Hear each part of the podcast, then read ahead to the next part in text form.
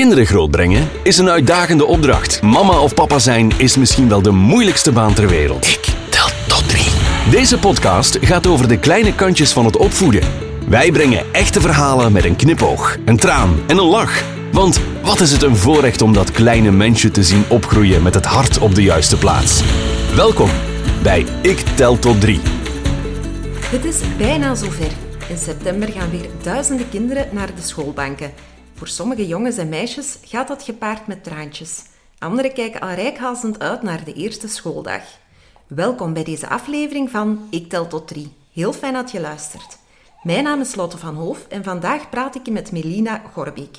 Ze is, en nu komt een hele mond vol, een integratieve psychotherapeut en heeft jarenlange ervaring in onderwijs opgebouwd, waardoor ze zeer goed weet hoe moeilijk het soms voor kinderen, jongeren en ouders kan zijn op school en ook hoe belangrijk die schoolse context toch ook is. Hey Melina, goedemorgen. Goedemorgen. Ik zie dat je je kerstverse baby hebt meegebracht. Ja, hij is uh, vier weken ondertussen. Proficiat. Dank je. Melina, vertel eens, zijn ouders en kinderen daar nu echt wel mee bezig met die eerste schooldag die eraan komt? Maar uiteraard zijn er heel veel verschillen. Hè? Ik denk dat er, dat er zeker mensen zijn die er ook gewoon helemaal nog niet mee bezig zijn en die nog volop in vakantiemodus zitten.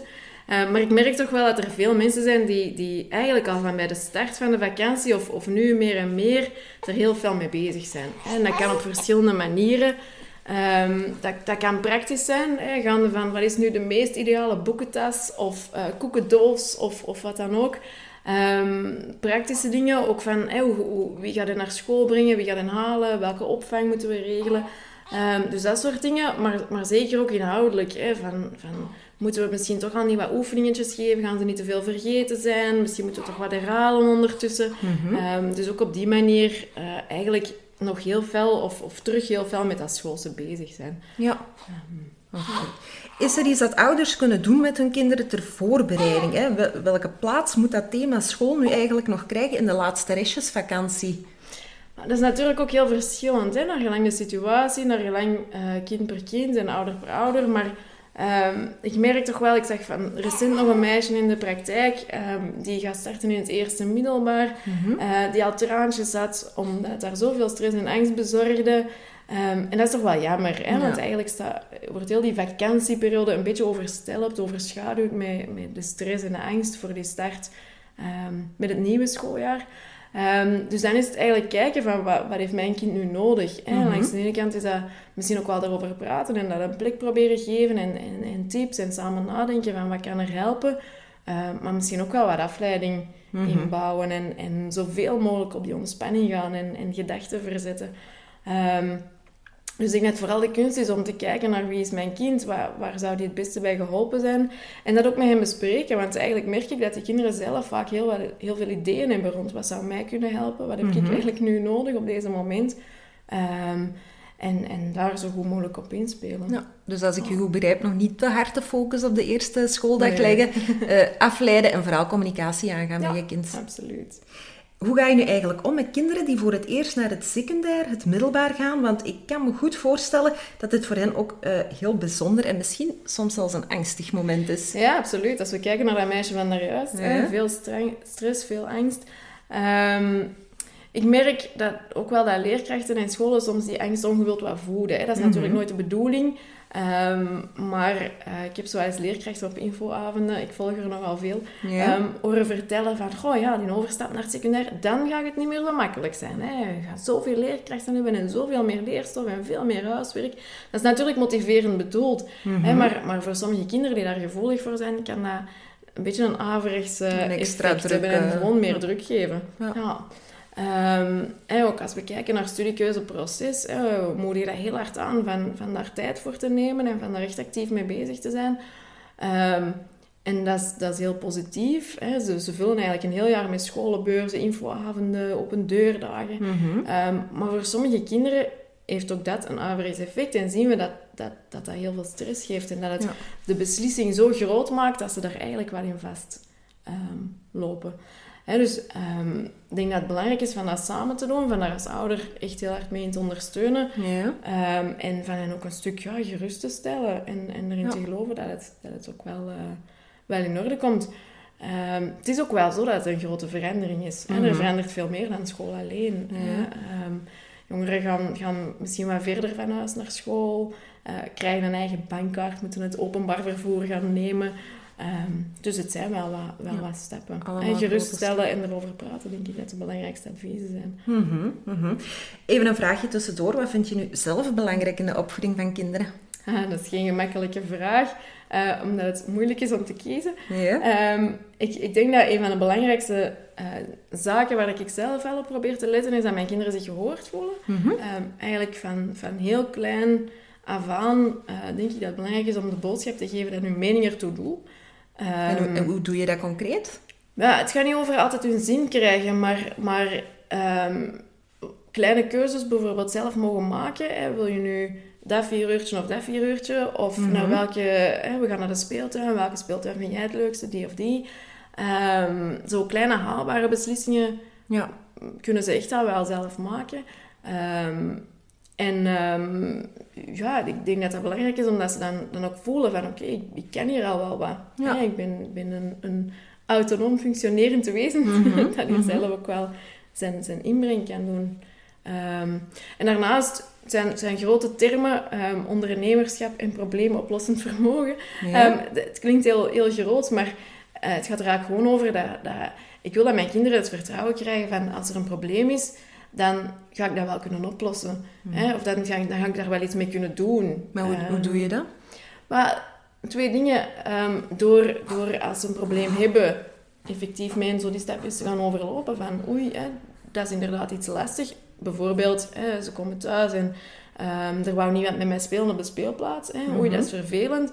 Eh, in de plaats van dan allerlei tips te gaan geven, ga ik aan hem vragen van oké, wat heb je dan gedaan? En wat heb je geprobeerd? En wat heeft er gewerkt? En, en wat zouden we nog kunnen proberen dat zich nog voordoet? Eigenlijk een stukje dat, dat proces mee doorlopen, door vragen te stellen. ehm, en niet zozeer door, door zelf het antwoord te geven. Ehm, waarmee ik eigenlijk wil vermijden dat ik de boodschap geef van ik weet de oplossing en jij niet. Ehm, en, en door zelf ook, als ik zelf een probleem heb met iets, Mhm. ook zelf te gaan zeggen van, goh, dat is nu wel lastig. Hoe ga ik dat hier nu aanpakken? En dat eigenlijk hardop te doen om te laten zien van, kijk, ook volwassenen hebben soms wel eens een probleem. Ja. Oké. Ouders vragen wel eens aan een kind hoe was het op school, maar meer als een goed krijg je er dan vaak niet uit. Eh, kan je dat eigenlijk ook op een andere manier aanpakken? Ja, ehm, goed is inderdaad een populair antwoord. Ook ik weet het niet, is zoiets waar de ouders heel vaak niet blij mee zijn als antwoord. Ja. Ehm, dat komt eigenlijk omdat kinderen zo wat, wat geleerd hebben van als er een vraag wordt gesteld, dan moet ik eigenlijk een antwoord kunnen geven. Mhm. Ehm, en zo meteen een antwoord geven op zo'n algemene vraag is niet zo eenvoudig. Daar Ja. moeten ze eigenlijk voor kunnen terugkijken naar hun dag en kijken wat is er allemaal gebeurd en wat was er leuk en wat was er niet leuk. En dat is iets wat, dat, wat dat veel vraagt van kinderen, wat dat kinderen nog niet altijd helemaal kunnen. Ehm, daarnaast weten we dat, dat kinderen na zo'n drukke dag, hè, kijk zelf naar hun eigen werkdag, ehm, soms wel met een vol hoofd zitten en op die moment Ja. ook niet zo ehm, de nood hebben of, of het vermogen hebben om dan daar nog eens over te vertellen. Mhm. Dus tips daarbij kunnen zijn van, van eh, in de plaats van algemene vragen te stellen, van heel concrete vragen te gaan stellen. Bijvoorbeeld, eh, met welke kinderen heb je gespeeld? Eh, heb je turnles gehad vandaag? Heb je geknutseld vandaag? Ehm, heel concrete dingen te gaan, te gaan bevragen.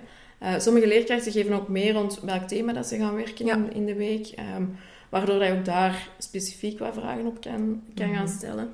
Ehm, en een andere tip is, is om, om die vragen niet meteen na school te gaan stellen, om dan eigenlijk dat rustmoment wat te houden. Eh, maar bijvoorbeeld vlak voor het slapen gaan, en zo'n Mhm. moment dat er nog een verhaaltje wordt eh, gelezen of zo. Zijn zo wel, ja, zijn zo'n momenten. ehm, kinderen vinden het dan ook wel gezellig, want dan moeten ze nog niet direct gaan slapen. Vertellen dan ook gemakkelijker. Ehm, of zo autoritten naar de hobby's of zo zijn ook wel ideale momenten om Ja, zo gesprekjes te doen. Dus als ik je goed begrijp, eh, niet de algemene vragen stellen, beter concreet en het juiste moment Ja, kiezen of absoluut. afwachten. Ja. Oké. Voor veel kinderen is een dag op de schoolbank geen sinecure. Ze moeten lang stilzitten, komen veel prikkels op en af. Hoe kan je kinderen daar eigenlijk in helpen? Maar ik denk dat het belangrijkste is dat we ons daar bewust van zijn. Ik denk dat, dat als we er al als ouder bij stilstaan van kijk, zo- zo'n dag vraagt wel veel van de kinderen, dat we al, al heel ver zijn. Mhm. Ehm, dat, dat het belangrijk is om kinderen rustmomenten aan te bieden in de week. Ehm, rustmomenten, dat kan heel simpel zijn door, door ze bijvoorbeeld niet te overstelpen met vragen. Ja. Hè, of, of door ehm, gewoon even een knuffelmomentje in te bouwen na school. Niet meteen met dat huiswerk terug te beginnen. Mhm. Ehm, niet elke dag vol te plannen met activiteiten of hobby's. Een rustmoment is gewoon een moment, hoeft niet per se slapen te zijn, maar zo'n moment waarop je even gewoon niks doet. Mhm. Hè.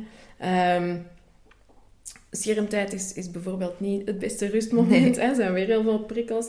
Ehm, dus, dus enerzijds die rustmomenten inbouwen, anderzijds ook ehm, het bieden van een uitlaatclip. Hè. Bijvoorbeeld Ja. een sportactiviteit die, die dan weer geen extra druk geeft, maar die, die wel kan, kan dienen als een manier om, om, om wat dingen te verwerken, om, om wat dingen los te kunnen laten. Ja. Ehm, en tenslotte denk ik ook dat het belangrijk is om zelf een stukje de voorbeeldfunctie daarin te nemen. We hebben zelf ook als volwassenen, denk ik, een heel druk leven. Ja. Ehm, en denk je dat die rustmomentjes soms best wel gewoon samen, hè, wij samen met onze kinderen kunnen, kunnen zijn. Ehm, omdat we dan ook leren van, kijk, wij als volwassenen hebben ook af en toe wel eens een rustmoment nodig. Hè, als wij zelf op dat moment gaan beginnen koken en stofzuigen en de was doen en, en allerlei hectische activiteiten, ehm, dan geven we misschien ook niet, niet het juiste voorbeeld. Ja, dus voldoende rustmomenten Ja. en zelf het goede voorbeeld Ja. geven. Heb je eigenlijk eh, een grappige herinnering over het ouderschap zelf? Maar ik zit er letterlijk nog middenin. Hè. Ik zie het. Hoe oud zijn je Ehm, kinderen? Eh, Vier weken en, en vier jaar. Ja. Ehm, ik heb zelf nog heel jonge kinderen, dus ik heb zelf het gevoel dat ik, dat ik nog heel veel herinneringen nu aan het opbouwen ben. Ehm, dat ik alles moet vasthouden om, om niet te vergeten. Ehm, maar als ik er iets moet uitnemen, dan zijn het zowel die, die heel grappige uitspraken. Mijn vierjarige is vrij taalvaardig en die ehm, maakt zo grappige woordjes voor dingen. Dus bijvoorbeeld de, de waterdamp als we, als we na de douche, hè, dat, dat noemt hij suiker. Of de overweg van de, van de trein noemt hij de brommel-brommel. Het is heel leuk om, om die woorden te horen en te weten wat ze betekenen. En ehm, dan ook zelf terug te gebruiken. Ja, Zo een beetje ons eigen taaltje. leuk om te horen. Ja. Voor veel ouders en kinderen is huiswerk een bron van stress. Hè. Hoe pak je dat nu eigenlijk best aan? Het goed begeleiden van huiswerk van je kind en is loslaten de beste optie? Ja, dat is een, huiswerk is een moeilijk punt. Ehm, er, er zijn veel ouders die bij mij komen met echt schrijnende verhalen over die huiswerksituatie. Kinderen die soms drie kwartier, een uur, anderhalf uur aan huiswerk bezig zijn. Jonge kinderen echt nog. Ja. Ehm, soms met tranen erbij. Ehm, dus dat zijn situaties die we, die we echt wel moeten vermijden. Dat heeft echt, echt geen zin. Ik denk dat wat dat scholen betreft, dat het gewoon belangrijk is om een heel doordacht huiswerkbeleid te hebben. Dus niet zomaar huiswerk te geven voor de traditie ervan. Ja. Ehm, maar eens te gaan kijken van wat willen we nu bereiken met dat huiswerk. En dat zal leerjaar tot leerjaar verschillen. Eh, welke opdrachten moeten we daaraan koppelen en, en lukt dat dan ook? Ehm, er is al heel veel onderzoek gedaan ondertussen ook naar de, de zinvolheid van huiswerk. Er zijn ook stemmen die zeggen van de basisschool schaf heel dat huiswerkidee af. Ehm, omdat we dan plaats kunnen ruimen voor iets wat, dat, wat dat ook belangrijk is. Hè? Sportactiviteiten, quality time met de kinderen, die rustmomenten. Ehm, en omdat we ook weten dat, dat de, de leerwinst van het huiswerk eigenlijk heel beperkt is. Ja. Ehm, de kinderen die, die het niet nodig hebben, die genoeg hebben met de schooldag, gaan daar geen winst aan uithalen uit dat huiswerk. De kinderen die het wel nodig hebben, zijn ook niet gebaat bij dat one-size-fits-all huiswerk. Hè. Dus die hebben ook echt begeleiding op maat nodig dikwijls. Ehm, maar dat we niet bereiken met het huiswerk. Ook zo hetgeen van, eh, we willen de vaardigheden van plannen en organiseren trainen. We weten dat dat pas kan vanaf het vierde, vijfde leerjaar. Ehm, dus ook daar is de vraag, ja, moeten we dan in het begin van de basisschool al huiswerk gaan geven? Ik ben, ik ben geen voorstander van het afschaffen, nog van het houden zoals het is. Ik ben echt een voorstander van heel kritisch te gaan kijken naar, naar heel dat idee. Ook samen met andere partners. Hè. Betrek als school, UCLB, pedagogische begeleiding, ouders eh, daarbij. En, en, en bekijk kritisch uw beleid en, en test wat uit, evalueer, ehm, behoud wat dat werkt, pas aan waar nodig. Ehm, ik denk dat dat het, het, het beste werkt. En, en naar ouders toe denk ik dat het ehm, belangrijk is van, van in gesprek te gaan met leerkrachten als het moeilijk loopt, het huiswerk. Eh, en, en met de kinderen, ik denk sowieso situaties van anderhalf uur werken in de basisschool, dat dat echt dingen zijn die we niet, ehm, niet moeten gaan aanmoedigen. Ehm, ik geef meestal het advies van 20 minuten huiswerk is echt het maximum. Ehm, ja. En daarna En over welke leeftijd spreek je dan? Ja, zeker begin basisonderwijs. Mhm. Eh, eerste, derde tot derde, vierde leraar denk ik dat dat echt het maximum is Ja. om te werken. En, en van als ouder ook niet de rol van leerkracht te gaan opnemen. en, Mhm. en extra uitleg te gaan geven en, en eerder eh, dingen zelf te gaan liggen opzoeken. Blijf vooral ouder, ondersteun je kind, motiveer je kind. Ehm, en als er dingen zijn die niet lukken, bespreek dat met de leerkracht. Eh, maar na 20 minuten echt eh, stoppen en iets anders gaan doen. Ja, goeie tip. Waar kunnen ouders terecht als het niet vlot op school en zijn er eigenlijk bepaalde redenen om dan toch nog te kiezen voor een andere school? Maar ik denk het, het eerste aanspreekpunt is altijd de klasleerkracht. Mhm. Ik denk, ehm, ouders hebben vaak een, een, een rem om dingen te gaan bespreken met de klasleerkracht. We hebben het gevoel dat het misschien toch niet dringend genoeg is of belangrijk genoeg is. Of ehm, denken dat de, dat de leerkracht het te druk heeft en... en ehm, gaan daardoor de stap misschien, misschien niet direct zetten, waardoor dat we soms zien dat dingen wel opstapelen. Hè, dat, dat problemen groter worden dan nodig. Dus zeker altijd die, die klasleerkracht als, als eerste aanspreekpunt. Er zijn wel situaties waarin ik merk dat dat moeilijk is voor ouders. Dat ze bijvoorbeeld eerder naar een zorgleerkracht gaan stappen, naar Mhm. een zorgcoördinator, wat dat zeker ook kan. Ja. Eh, of heel uitzonderlijk ook naar een directie van een school, hè, die dat Ja. eigenlijk ook wel een aanspreekpunt kunnen zijn. Ehm, als het echt moeilijk is met de school, zijn er ook externe partners. Hè, bijvoorbeeld CLB, die hebben beroepsgeheim, waar je ook samen kan gaan kijken van, ik heb hier een probleem en wat, wat is de beste volgende stap? Wat, Mhm. wat kan ik hier best mee doen? Ehm CLB'ers kennen hun school dikwijls ook op een andere manier en Ja. kunnen ook advies geven ehm, daarin. Het kiezen voor een andere school is, is een heel grote stap. Kinderen zijn vaak de omgeving gewoon. Absoluut, ja. Ehm, is soms wel aan een drempel, maar eh, ik, ik- er zijn heel grote verschillen tussen scholen. Dat is Mhm. nu eenmaal zo. Hè. Ik denk dat, dat het eh, ook bij de keuze van een school in het begin al, dat, dat het heel hard kijken is van wat heeft mijn kind nodig en wat past daar, Ja. wat past bij mijn kind eh, op deze moment. Mhm. Als achteraf blijkt dat de schoolkeuze misschien toch niet ideaal was, of dat er omstandigheden zijn die de overstap vereisen, dan denk ik dat dat, dat, dat soms een heel goede zet kan zijn. Ja. Oké. Zo, we zijn aan het einde van deze podcast gekomen. Ik wil jou als luisteraar graag bedanken dat je hebt geluisterd tot het einde. Dankjewel voor de heldere inzichten, Melina. Eh, tot de volgende keer. Tot ik tel tot drie. Dit was Ik Tel Tot 3, de podcast over echt ouderschap. Abonneer je voor nieuwe afleveringen, reageer of stuur ons een berichtje op ikteltot3.be. Vergeet niet, je staat er niet alleen voor, want it takes a village to raise a child.